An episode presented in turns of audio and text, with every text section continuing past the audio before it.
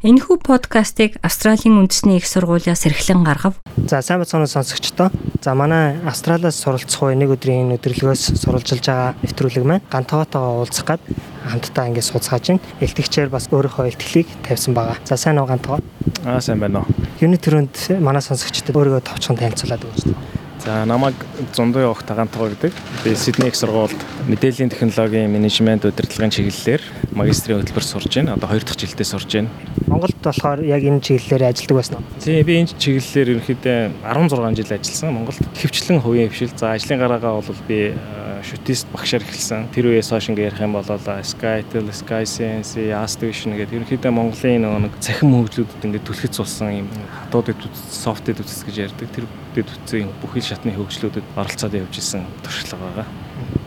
Өнөөдрийн ивентэд яг ямар хөө сэдвээр оролцсон бэ? Өөрийнхөө сэдвийнхаа талаар товчхон мэдээлэл өгөөч. За өнөөдөр сэдвийн өрөөнд би болохоор дижитал шилжилтийн боломжоос хүртгүү гэсэн нэртэй ихтгэл тавьсан. За яг нь сүүлийн үед бол хүн болгонд л одоо дижитал шилжилт гэж юу вэ? Аж үйлдвэрийн дөрөвдүгээр хувьсгал гэж юу вэ гэж нэлээд олон хүн одоо ингэ ярьж байна. Гэхдээ би бол яг өнөөдөр яг дижитал шилжилт гэж яг юу юм? Аж үйлдвэрийн дөрөвдүгээр хувьсгал гэж юу юм гэж тэр талаар ерөөсөө яриаггүй. А яг энэ дижитал шилжилтийн үр дүнд бий болж байгаа энэ боломжийг монгол хүн одоо өнөөдөр яаж ашиглаад ямар хэмжээний бизнес, улс эх орныг хамарсан бизнес, а дэлхийг дэлхийн хэмжээнд одоо бүтээгдэхүүн гаргах боломж бид бүхэнд одоо ямар боломжууд байгаа вэ гэдэг талаар одоо энэ ихтгэлийг сонсохоор ирсэн хүмүүст ярьж гисэн байна. Ерөнхийдөө түрүүн бас ихтгэл дээр аюул сонирхолтой мэдээллүүд, сонирхолтой статистикуудыг бас хэлж исэн байгаа. Монгол улс дижиталын шилжилтэнд бэлэн юм уу гэдэг асуултанд бас хариу өгч исэн байгаа тийм. Тэр талаар. Аа тийм энэ болохоор яг бэлэн байдлыг бол би судалсан бол биш. Саяхан Монголд энэ процесс болсон.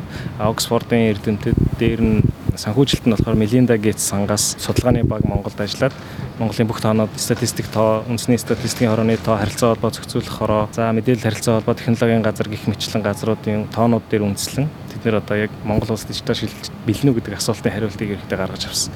А тэгээд тэр хариултанд бол ерөнхийдөө ерөнхий базаад ингээд дүгнэлтийг ярих юм бол бэлэн гэсэн ер нь 70 80% та бэлэн болцсон байна гэсэн дэд үтцийн хөвдч төр дижитал үйлчлэгээний хөвдч төр ард иргэдийн цахим оролцооны хөвдч гэсэн бэлэн болсон байна гэдэг дүгнэлт гарсан байна энэ Австралийн орчны талаар баг зэрэг ойлголт өгөөч.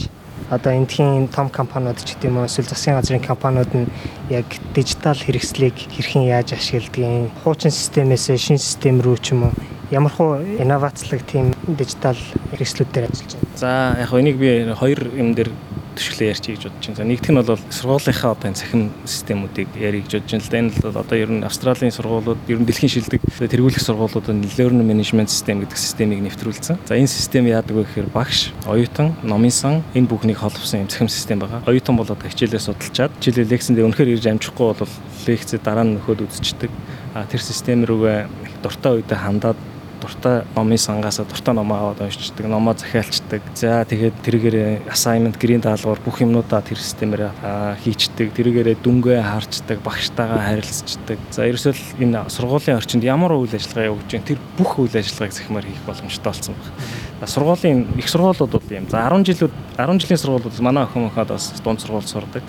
Дунд сургуулиудыг харахаар бас захим орчин аягүй сайн ашиглаж байна. Зөвхөн тэр захим мэдээллийн систем гэхээсээ гадна програм хангамж, техник хангамжуудыг сургалтынхаа үйл явцтай аягүй сайн ашиглаж байна. За нөгөө хоёр дахь хэлэх гэсэн юм бол эндхийн төрийн үйлчлэг байна. Австрали улс бол цахим засгийн газрын индексээр e-government index гэж ярьдаг. Энийгээр 2 жил болгон нүүбэс гаргадаг юм чагсаалт тахгүй. Энэ дээр нэгт Англи улс 16 онд Англи тэгээд Австрали хоёрт орсон байдаг. А 18 оных дээр болохоор Дани улс нэгт ороод Австрали улс хоёрт орсон баг. Тэгэхээр ерөөсө төрийн бүх үйлчлэгийг захимаар авч болж байна. А дээр нь нэг цонхноос, нэг цахим системээс, нэг утасны дугаараас гэсэн яг энэ зарчмын дагуу улс бол яг хөгжөө байгаа. Тэгэхээр төрийн байгууллагуудын хоорондын мэдээлэл солилцоо, за иргэдийн цахим оролцоо, цахим үйлчлэгийг нэг дороос авах энэ бол гайхалтай юм одоо сургуулаа ингээд төгсөөд Монгол руугаа очих юм байна. Яг юун дээр ажиллах зорилготой? Зорилго их олон зорилго байна.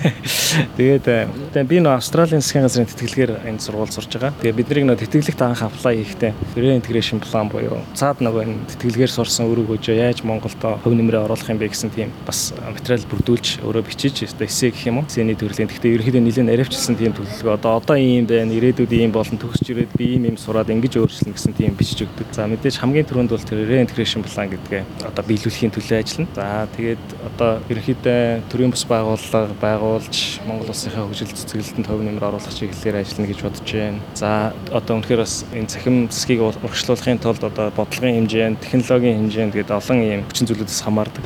Тэр хүчин зүйлд оролцохын тулд одоо одоо ямар нэгэн одоо төрийн байгууллагад ажиллах хэрэгцээ шаардлага одоо намайг үнэхээр тоохч гэдэг юм уу те эсвэл нэг талаасаа хэрэгцээ шаардлага би үүсгэх юм бол тэнд нь очиод бас ингээд хүчин зүтгэхэд бас бэлэн байгаа. За нөгөө талаас бол бас мэдээж хүн юм чинь бизнес хийн одоо сая ихтгэл дээрээ чи ярьсан одоо энэ олон бизнес боломжууд энэ дижитал шилжилтийн нөхцөл байдлыг ашиглаад бас стартап компани байгуулах боломж байна. За өмнө бас өмнө нь ажиллаж исэн компанитайгаа ажиллах зорилго байна гэдэг ингээ гих мэтлэн олон юм байна да. Боломжууд бол маш олон байгаа юм байна. Үд хаалгууд бол зөндөө олон байгаа юм байна те. Алийн онгойлохоос шалтгааллах юм байна те. Одоо энэ нөгөө орчин үед чи ерөөхдөө одоо энэ саяны ихтгэлүүдээр ч гэсэн ажлын цагийг хэр зэрэг өрөвдөлтөд ашиглах уу гэдэг нэг бэлтгэж ярьсан шүү дээ. Яг тэр шиг хүн өөрийнх нь эрүүл мэндийн асуудал зүгээр байгаа тохиолдол бол энэ дижитал орчныг ашиглаад хэд хэдэн ажлыг зэрэг хийх боломжтой. Одоо жишээлбэл би энд ингээд сурж явах явцдаас Монголд хоёр төсөл төр ингээд зөвлөхөр ажиллаа явж идэг. Гэхдээ дундаа захимаар төслийнхаа зөвлөхийн материал, консалтинг репорт энэ төрөө бичээд тэгээ шүн мөн суугаад репортоо явуулаад ингээд харилцаа явж. Яг энэ мэтчил ингээд энд сураад одоо энэ сурныг гэж бас нэлээд бас хүчин чармаал шаардлагатай. Тэрнийхээ хажуугараас тийм ийгээ за тэгээ болоогүй гэдэг шиг бас Монголдо очиод ингээд олон юмнууд зэрэг зэрэг оролцоод ундаал гэж бодож байна. За маш их баярлалаа. Манайд ярилцлага өгсөнд та цаашдаа зорж байгаа тэмүүлж байгаа зүйлүүд чинь бүгдээ амжилт төсөй. За тэгээ сургуулийн амжилтаа төгссөнд нь бас баяр хүргье. За баярлалаа. Төгсгөл арай болоогүй. Тэгээ 5 сар харьцаа төгсөх байх. За баярлалаа. За баярлалаа.